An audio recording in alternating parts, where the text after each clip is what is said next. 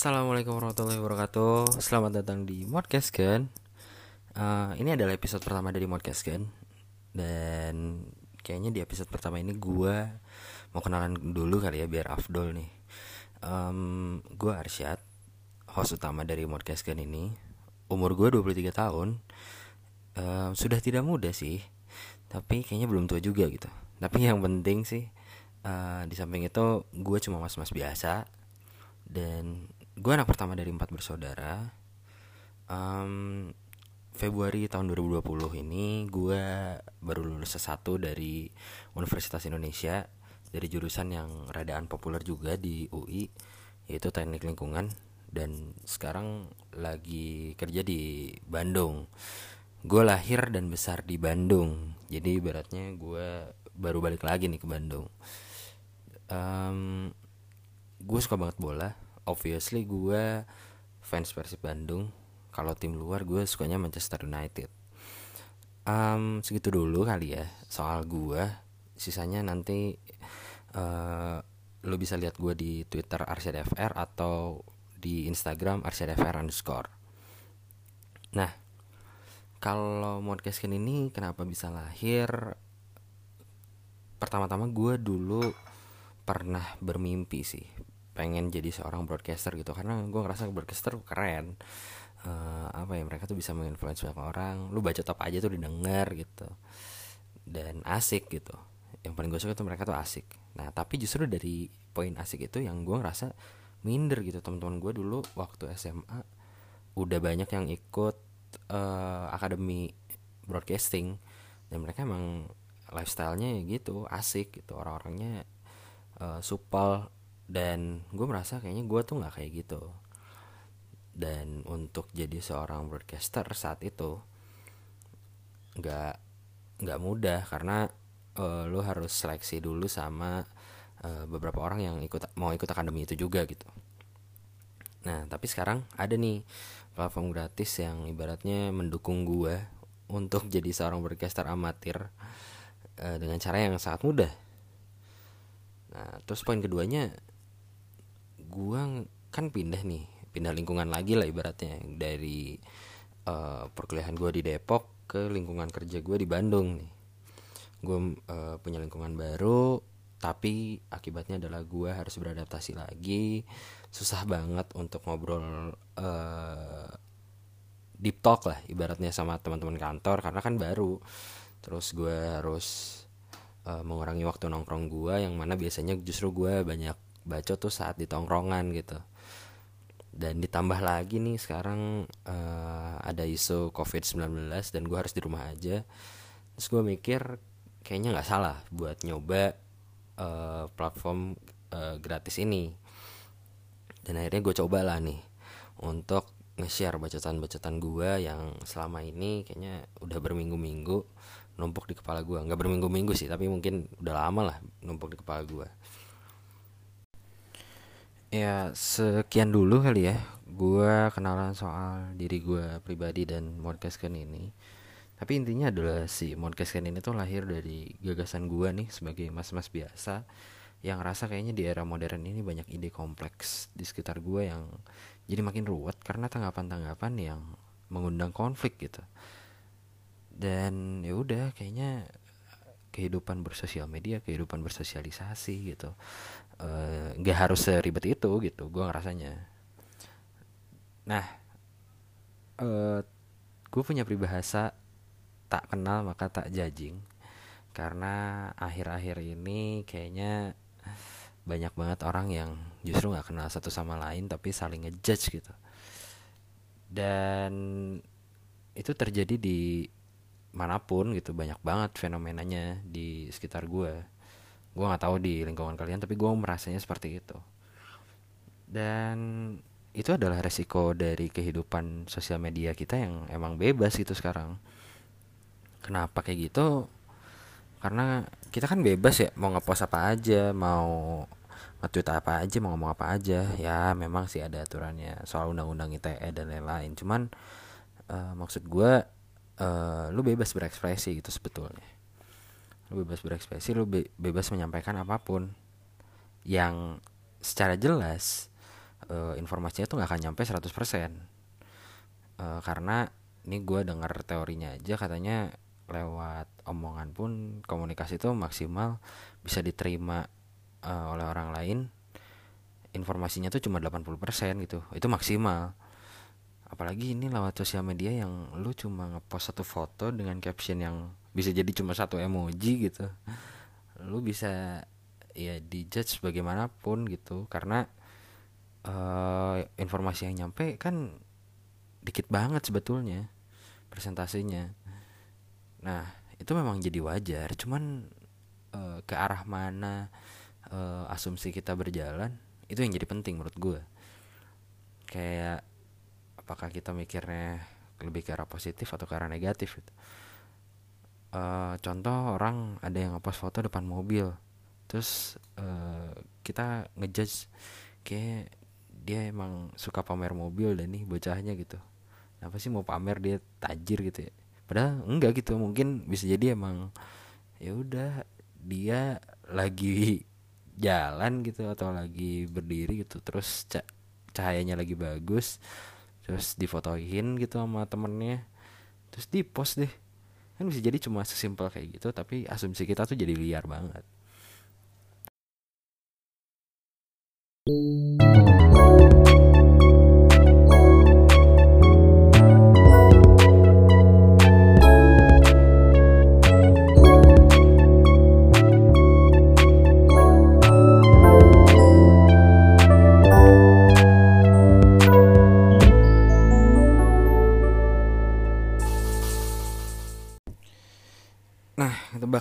jadi di episode pertama ini gue bakal banyak ngomongin soal judging karena kayaknya banyak nih fenomena judging di sekitar kita yang uh, jadi viral lah jadi marak lah ibaratnya.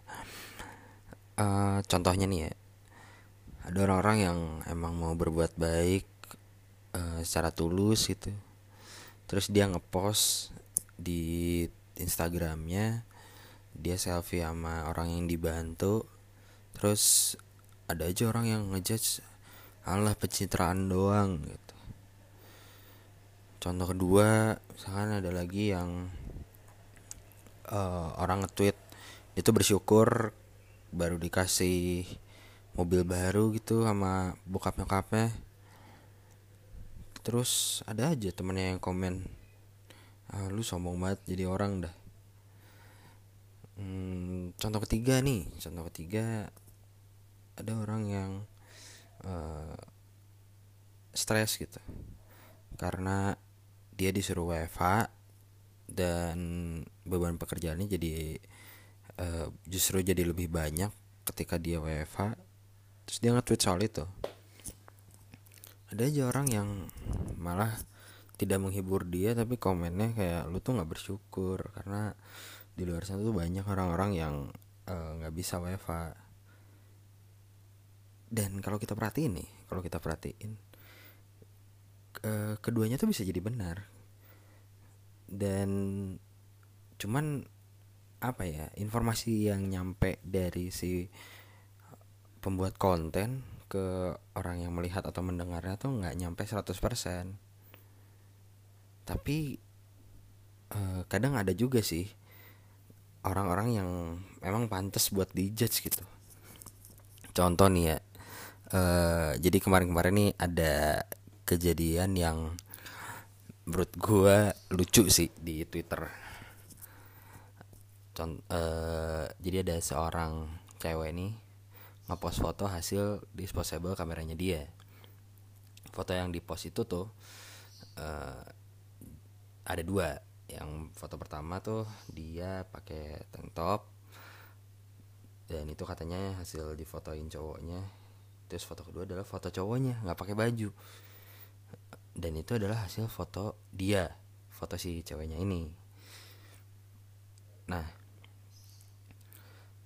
lu kalau main twitter pasti pernah lihat deh karena ini ramai juga kayaknya uh, dua minggu lah dua minggu ke belakang lah. Jadi sekitar awal-awal bulan April atau justru sebelum April ya sebelum April kali ya. Gue sih nggak masalah sih sama foto itu sampai ke satu titik gitu. Jadi gini uh, kan foto kayak gitu tuh nyentrik ya dengan nilai di masyarakat Indonesia nih. Ibaratnya lo akan ngejudge kayak ini kemungkinan kemungkinan banyak orang gitu. Lo akan ngejudge anjing ini fotonya di kamar lagi kemprut kali atau lagi apalah gitu.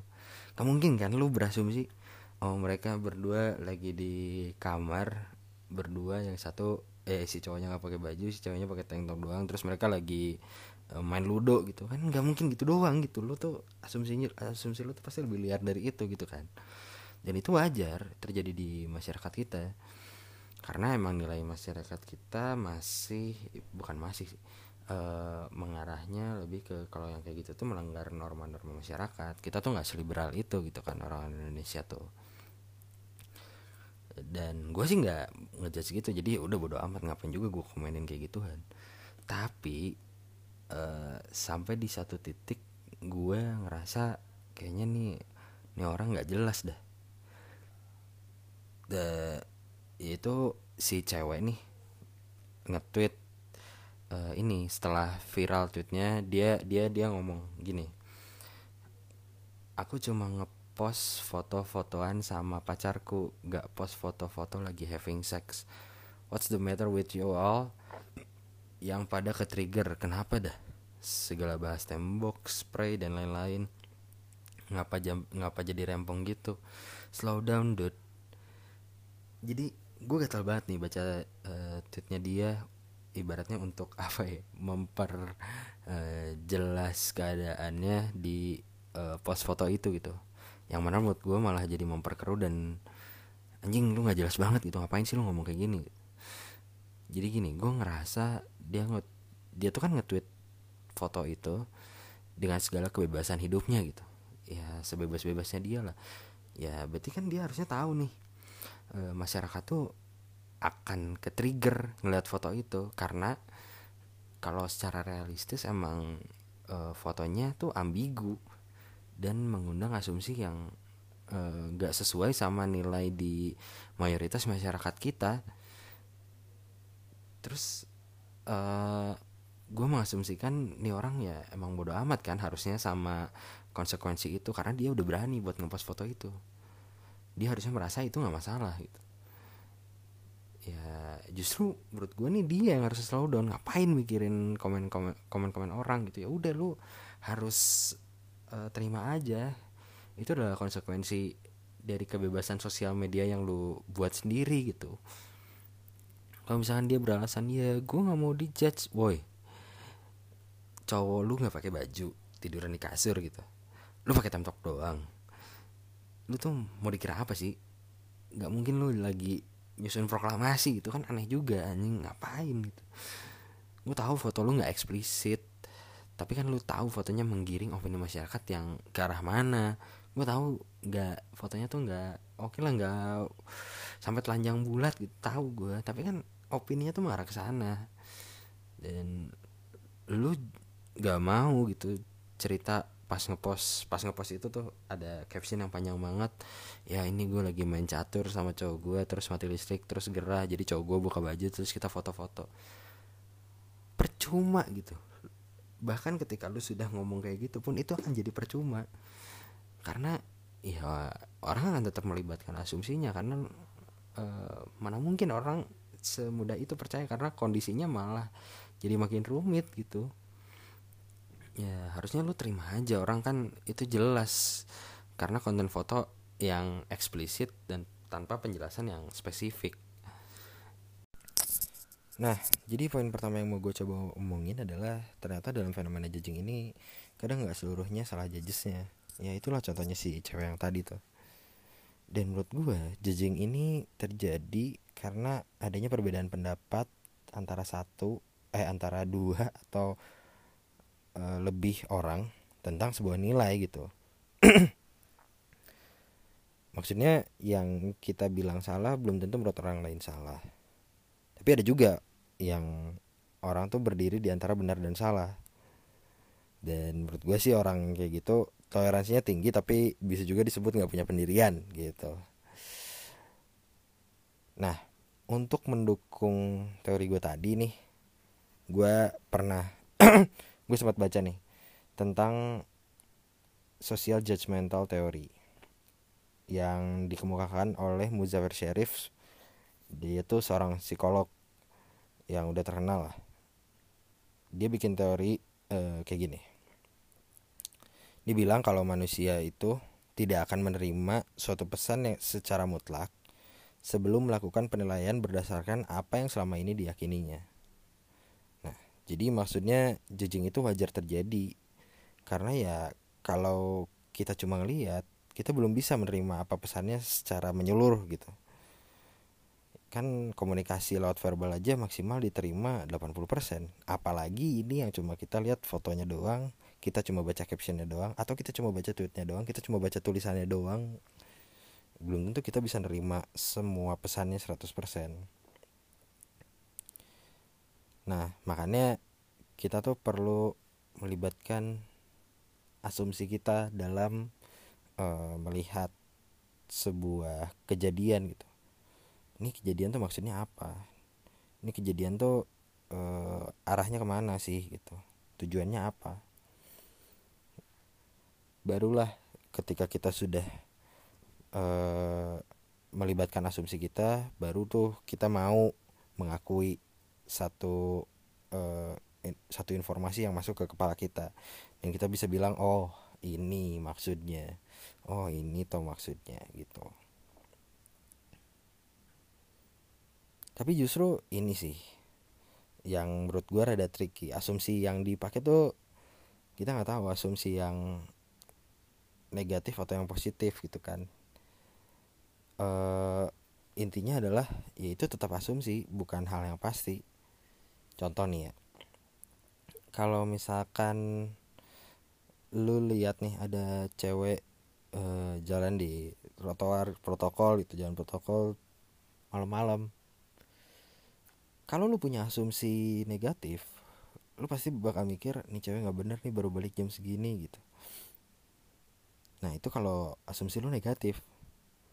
Tapi kalau misalkan lu punya asumsi positif lu bakal mikir uh, mengarah ke misalkan ya kasihan deh ini cewek kayaknya uh, dia buruh pabrik harus menghidupi keluarganya harus lembur demi dapat pendapatan lebih uh, buat menghidupi keluarganya. Memang kesannya agak panjang dan ribet untuk mikirin itu. Dan jadinya kita selalu mencari cara yang mudah dan nggak ngeribetin hidup kita dan pengen merasa uh, kita tuh lebih baik gitu terus uh, untuk mendukung teori soal asumsi mana yang kita sebenarnya kita gunakan untuk menerima sebuah informasi gue cari lagi nih teori-teorinya. Dan gue nemu uh, teori dari seorang terapis perilaku kognitif manusia namanya Camin Ajian. Dia bilang manusia tuh memiliki kecenderungan untuk berpikiran negatif sebab pikiran kita memang memiliki pola yang bias. Jadi emang kita tuh uh, bakal sering mengarahkan asumsi kita sendiri itu ke arah yang negatif menurut dia menurut si Camin Ajian ini.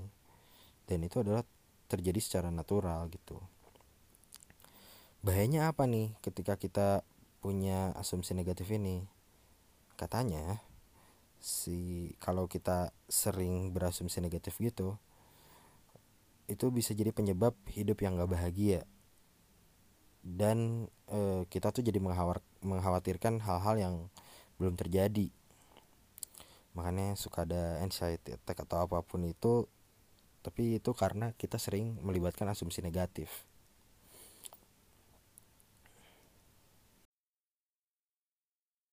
Nah,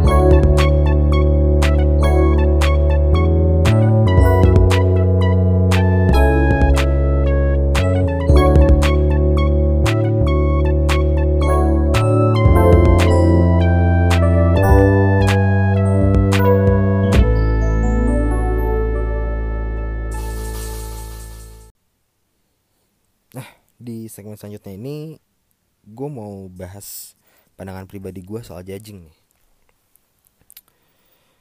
Uh, sebelum podcast ini dibuat gue pernah bikin vote di twitter. Vote-nya itu tentang judging dan pilihannya adalah gue nanya nih sama followers gue menurut kalian manusia sekarang tuh gimana? Apakah A lebih mudah ngejudge seenaknya atau B lebih sensitif dan merasa banyak masukan yang dia dengar itu adalah judging. Nah dari si hasil voting itu yang ngisi vote-nya itu ada 84 orang. Nggak banyak emang nggak nyampe 100 dan ini di retweet sama uh, beberapa teman gue jadi gue bener-bener nggak tahu ini yang ngevote siapa aja. Karena kan emang anonimus juga tapi gue bisa pastikan mungkin kok gue pastiin tapi mungkin ya. Sorry sorry. Maksudnya uh, mungkin yang ngisi vote ini itu bukan followers gue doang. Karena udah di retweet sama teman-teman gue dan hasilnya menunjukkan itu 51% milih pilihan A. 51% eh, orang tuh memilih kalau kayaknya sekarang tuh banyak orang yang suka ngejudge seenaknya dan 49% nya memilih pilihan B. Yaitu mereka ngerasa orang sekarang tuh lebih sensitif dan merasa banyak saran atau kritik yang dia dengar itu adalah sebuah judging. Padahal harusnya mereka nggak merasa seperti itu gitu. Nah terus kan dari voting itu gue jadi semakin percaya sama yang gue omongin ya. Kalau misalkan ternyata yang salah tuh gak selalu judgesnya tapi bisa juga si objek yang dijudge-nya gitu. Nah sekarang gue mau coba bahas satu-satu nih apa yang salah dari si judgesnya dan apa juga yang salah dari si uh, objek yang dijudge. Kalau misalkan yang salah dari judgesnya ya udahlah udah udah umum lah ya kenapa judging itu jadi salah cuman gue mau nambahin dikit sih mungkin gue ngerasa uh, judging itu muncul kan karena perbedaan nilai tuh nah judging itu juga bisa muncul karena kita kurang toleran sama nilai yang orang lain yakini. Contoh nih ya, uh, lu datang ke sebuah kedai jus, jus jeruk. Lu dan teman lu minum jus jeruk yang sama.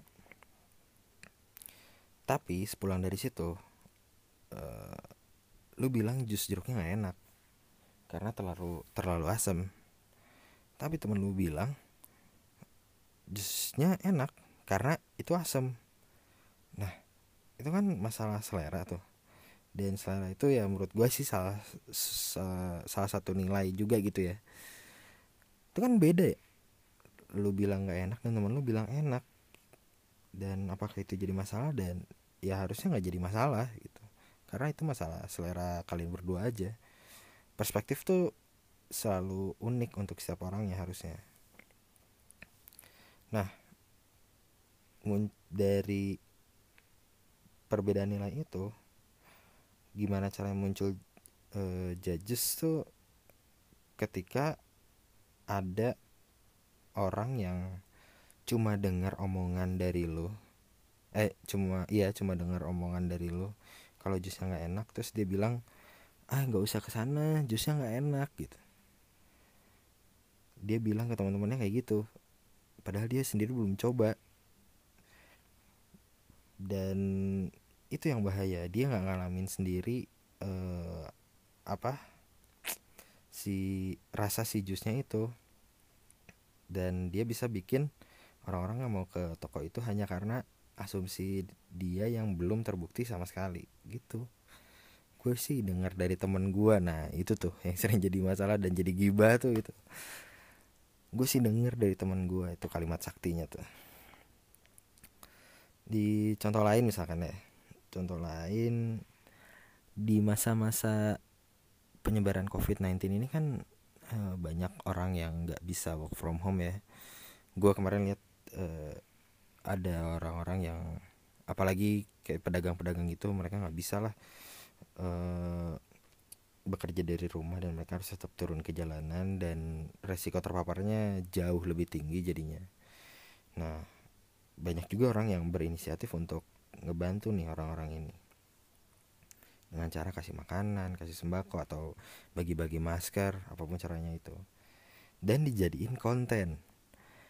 Jadiin konten di YouTube atau konten Instagram gitu.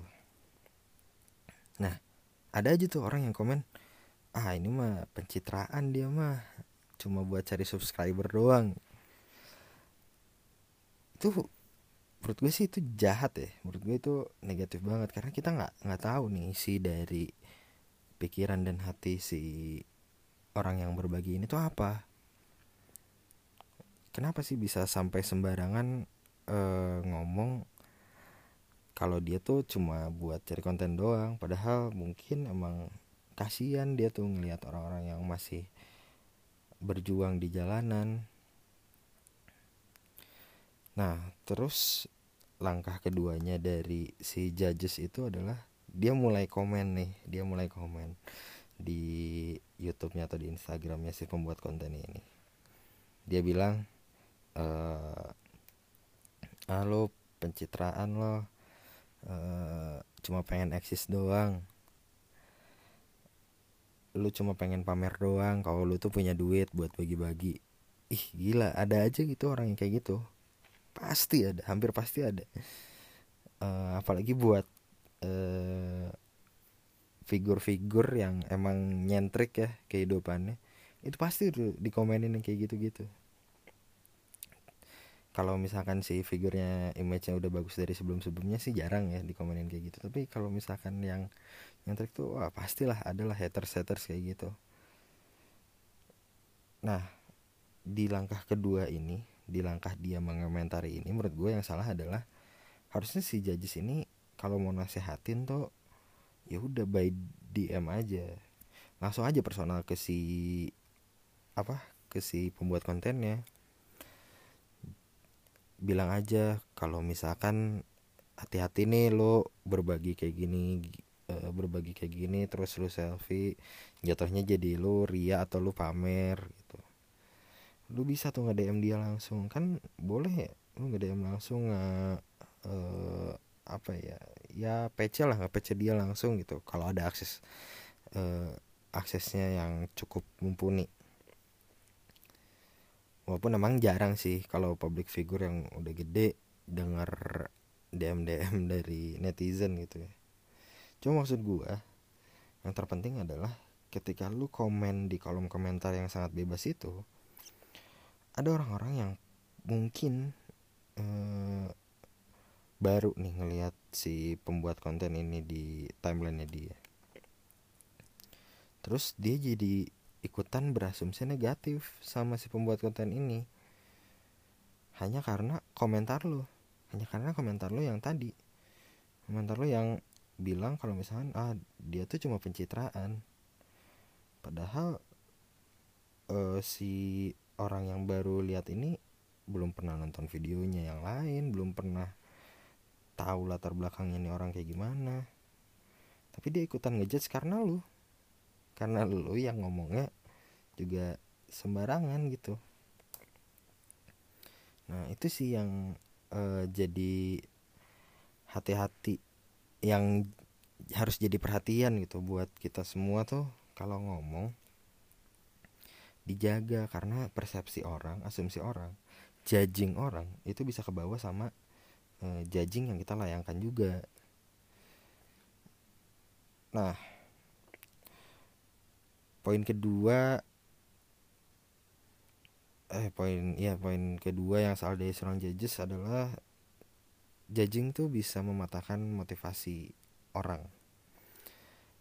Jadi temen gua uh, misalkan ya ada eh bukan misalkan sih teman gua nih ada yang dia tuh udah setahun mencoba berbagai macam program diet.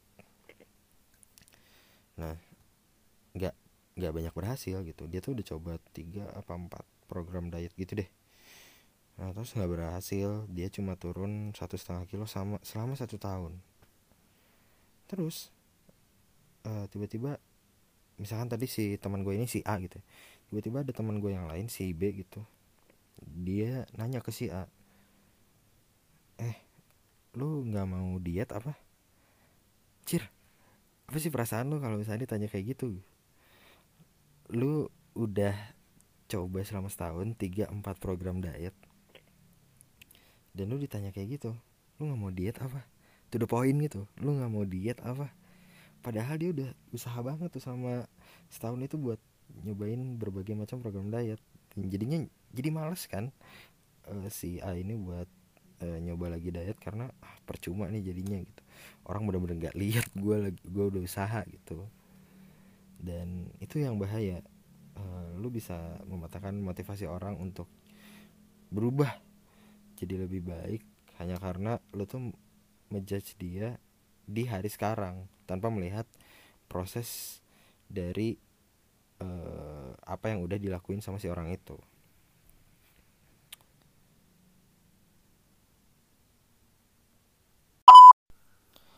Nah, kayak yang udah gue omongin tadi, jadi kayaknya nih dalam fenomena judging tuh nggak melulu salah si judgesnya bisa jadi objek judgingnya juga salah kadang si objek judging tuh terlalu sensitif dalam menerima kritik dan saran. Nah kita tuh suka lupa tuh. Kalau misalnya di dunia ini tuh ada yang namanya kritik dan saran. Kritik dan saran uh, itu datang dari orang yang melihat kita dari perspektif mereka. Dari perspektif mereka itu kan ya mereka melibatkan asumsi mereka masing-masing dan itu unik gitu asumsinya. Perspektifnya unik tapi kita tuh sering overreact sama uh, perspektif orang-orang. Kita dikasih kritik dikasih saran dibilang dijudge. Oke okay lah kalau misalkan emang komentar si yang ngasih kritik dan saran itu terlalu jauh gitu asumsinya kita boleh lah bereaksi sama uh, komentar itu. Tapi kalau misalkan emang ini orang udah ngasih kita kritik gitu. Tapi by DM atau emang di personal chat terus kita screenshot nih. Kita screenshot terus bilang shit, uh, banget lah gue dijudge nih sama orang. Padahal si orang yang udah ngasih saran dan kritik itu tuh udah menurut gue ya udah memenuhi uh, apa ya adab-adab dalam berkomentar gitu dia tuh udah komentar secara personal tidak membawa asumsi orang lain bersama dia. Tapi justru lu sendiri yang nge-share itu dan membuat orang jadi berasumsi yang lebih liar lagi tentang lu. Gitu. Menurut gue kita harus sering uh, introspeksi satu. Dan kedua kita harus mulai menerima sih pendapat-pendapat orang. Karena pendapat orang tentang kita itu akan berbeda-beda uh, setiap sudut pandangnya karena pengalaman mereka ketika bertemu kita itu juga beda-beda. Dan ditambah lagi hmm, lu nggak mungkin bisa membahagiakan semua orang. Jadi wajar dong kalau misalkan ada orang yang uh, jadi ngejudge lo atau e, ngomentarin yang negatif tentang hidup lo kalau itu nggak bener apa salahnya sih kalau didiemin doang? Kalau itu bener apa salahnya sih kalau dibenerin? Kalau gue pribadi sih e, prefer untuk mikir kalau misalkan dijudge nih ya. Gue akan mikir tuh orang yang ngejudge gue gabut banget sama mikirin hidup gue kenal juga kagak gitu. Ya udah diemin aja. Gue sih mikirnya kayak gitu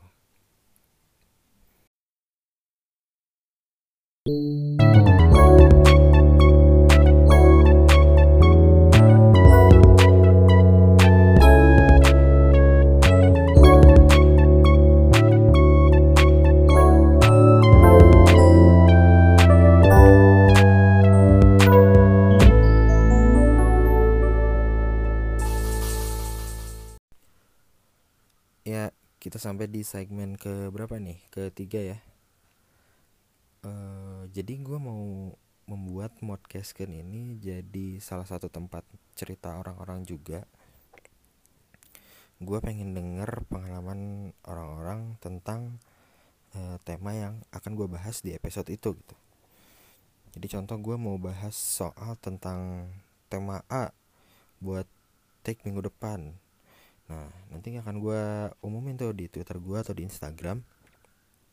Dan nanti teman-teman teman-teman pendengar bisa cerita uh, by DM Instagram, by DM Twitter atau mungkin nggak email ke gue gitu. Dan kemarin sebelum bikin episode ini, gue juga ngumpulin cerita dari uh, followers gue di Twitter dan ada nih yang mau cerita dari seseorang yang berinisial P. Uh, katanya ceritanya tentang preference dia dalam mencari pasangan nih. Nih gue bacain ceritanya ya. Gue ini terlahir bukan dari keluarga yang sempurna. Intinya mah gitu deh, susah buat diceritain. Yang jelas, ini sudah jadi suratan Tuhan yang gak bisa gue utak-atik lagi. Gue selalu yakin ada alasan Tuhan taruh gue di jalan hidup seperti ini. Gue sudah melihat banyak banget contoh jelek maupun bagus soal memilih pasangan.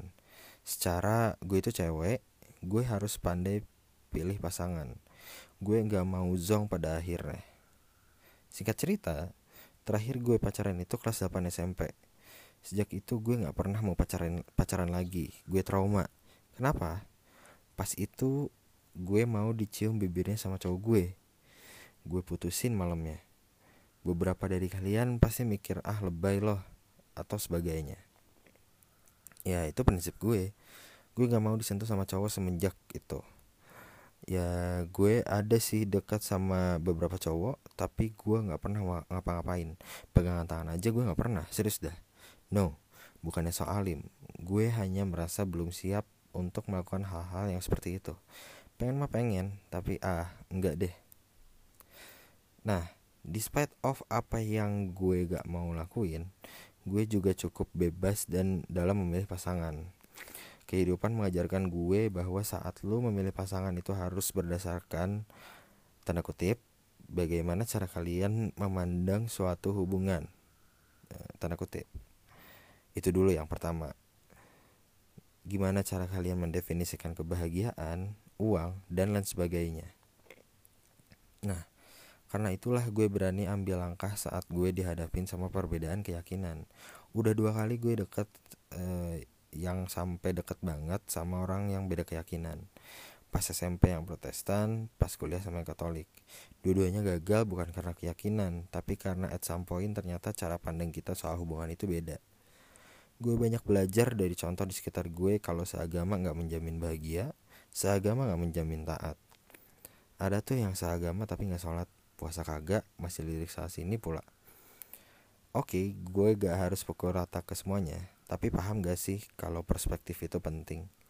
Pas gue kuliah dan dekat sama orang Katolik ini, beh, abis gue dijudge sama orang-orang. Tahu gak sih dengan kalian ngejudge kita, kepercayaan kita sama hubungan ini jadi berkurang loh. Dukungan orang sekitar itu penting banget buat keberlangsungan suatu hubungan. Tapi apa yang dikasih? Bujangan-bujangan sampis. Lo kira hubungan lu dengan pacar lu sempurna? Lo kira cuma gue yang dosa? Lo juga bisa dosa, semua orang di dunia ini punya porsi dosanya masing-masing. Udahlah, gak usah ngatur sembarangan. Gue heran banget sama ini. Lu pada gak tahu kan seberapa besar beban psikologis gue yang gue lewati hidup ini sendirian. Mencari mencari-cari kebahagiaan yang abstrak. Lu lihat gue ketawa-tawa dan selalu bahagia. Dalam hati gue bingung dan kesepian. Lu kira gue gak mau nyari yang seagama? Gue juga mau kok tapi emang Tuhan menggariskan buat enggak ya mau gimana. Gue masih suka sensi deh sama hal ini. Dan sekarang gue jomblo dan gue masih yakin kalau nanti gue harus jatuh cinta atau bahkan menikah dengan orang yang beda agama atau bahkan beda banget kayak bule gitu ya gue akan terima. Akan sangat terima. Kalau itu emang bahagia gue ya udah. Satu lagi saat gue merasakan kegagalan saat menjalani hubungan kayak gini please congor lu semua. Jangan pada bilang tuh kan makanya jangan beda agama. Coba-coba sih lu buntu kan ujungnya. Gagal-gagal juga kan. Masya Allah pengen gue sentil tuh usus rasanya. Intinya please stop lah. Kalau lu misalnya putus terus dikata-katain juga gak mau kan. Nah itulah cerita dari uh, seorang followers gue, kerabat gue Berinisial P Nah jadi menurut gue sih Ya emang gak enak gitu di judge tuh. Contoh ya ini salah satu bentuk judging tuh bisa matahin motivasi orang. Dia tuh sedang mencari-cari kebahagiaan sebenarnya pak ketika dia ngeliat orang pacaran anjir kenapa ya orang pacaran tuh bisa bahagia? gitu. Kenapa sih orang tuh kalau punya pacar bisa bahagia? Kenapa sih orang nggak ada aja orang yang nggak pacaran terus aduh pengen pacaran terus kayaknya merasa sengsara. Nah dia tuh mencari-cari arti itu.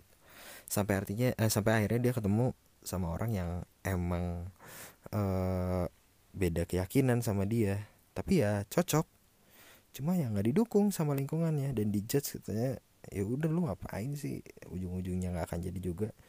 Padahal itu lagi tahap si P ini mencari kepercayaan uh, atas suatu hubungan dan jahatnya bukannya disupport malah di judge gitu sih. Makanya hati-hatilah uh, dalam berkomentar terutama sama temen lu sendiri. Gitu sih. Oke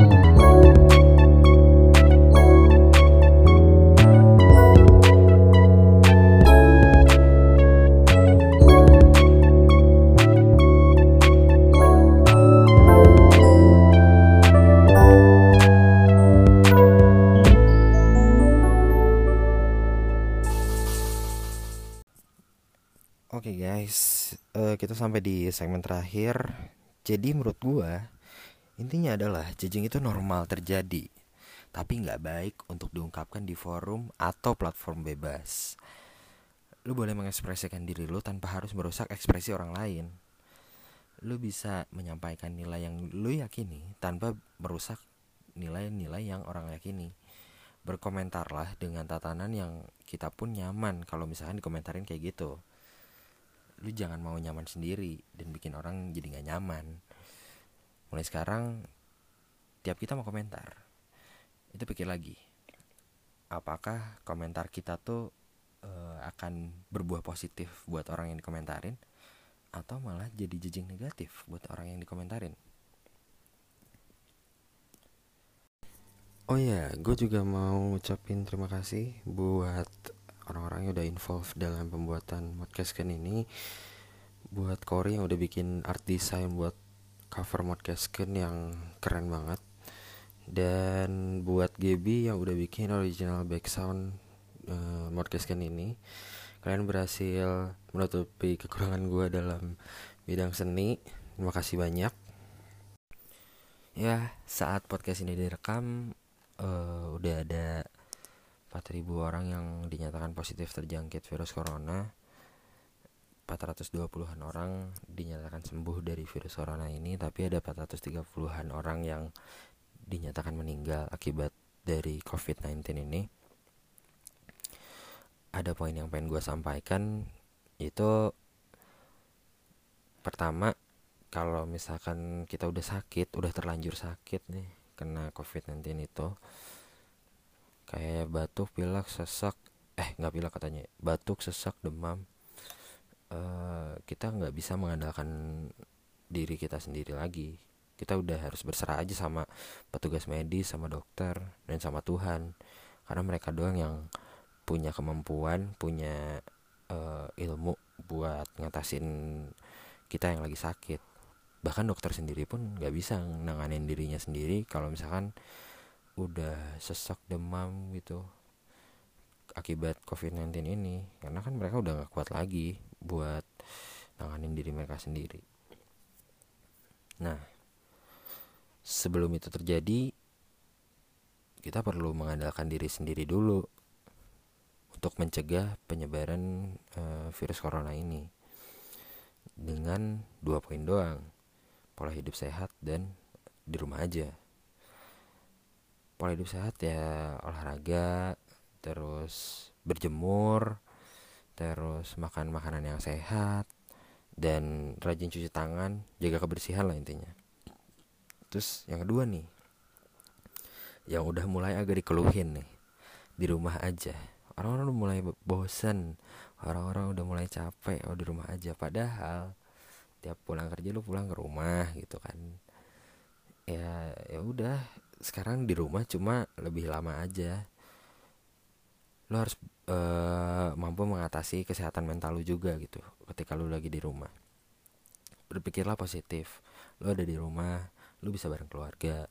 Kalau misalkan lu ternyata sendirian ya lu bisa santai lu bisa uh, kerja ambil tidur tiduran lu bisa masak sendiri jadi lebih hemat. Intinya berpikir positif lah dari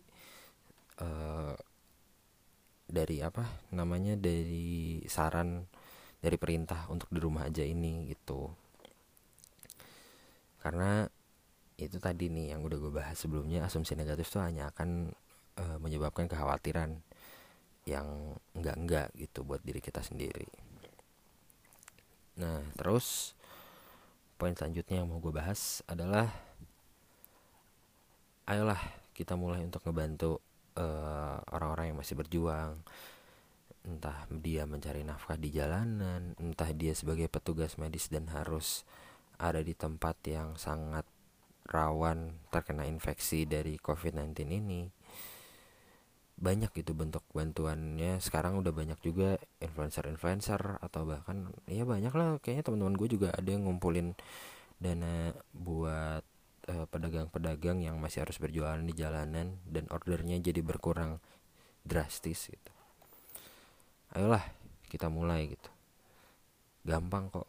Asal kita tahu infonya kita tahu uh, ke mana sumbangannya itu berjalan dan kita percaya sama mereka untuk menyalurkan donasi kita. Gampang kan sekarang? Udah ada internet banking udah ada m banking. Tinggal lu buka lu kirim duitnya seikhlas lu berapapun itu pasti membantu dan itu akan jadi amal jariah buat kita semua gitu. ya sekian dulu podcastkan episode pertama.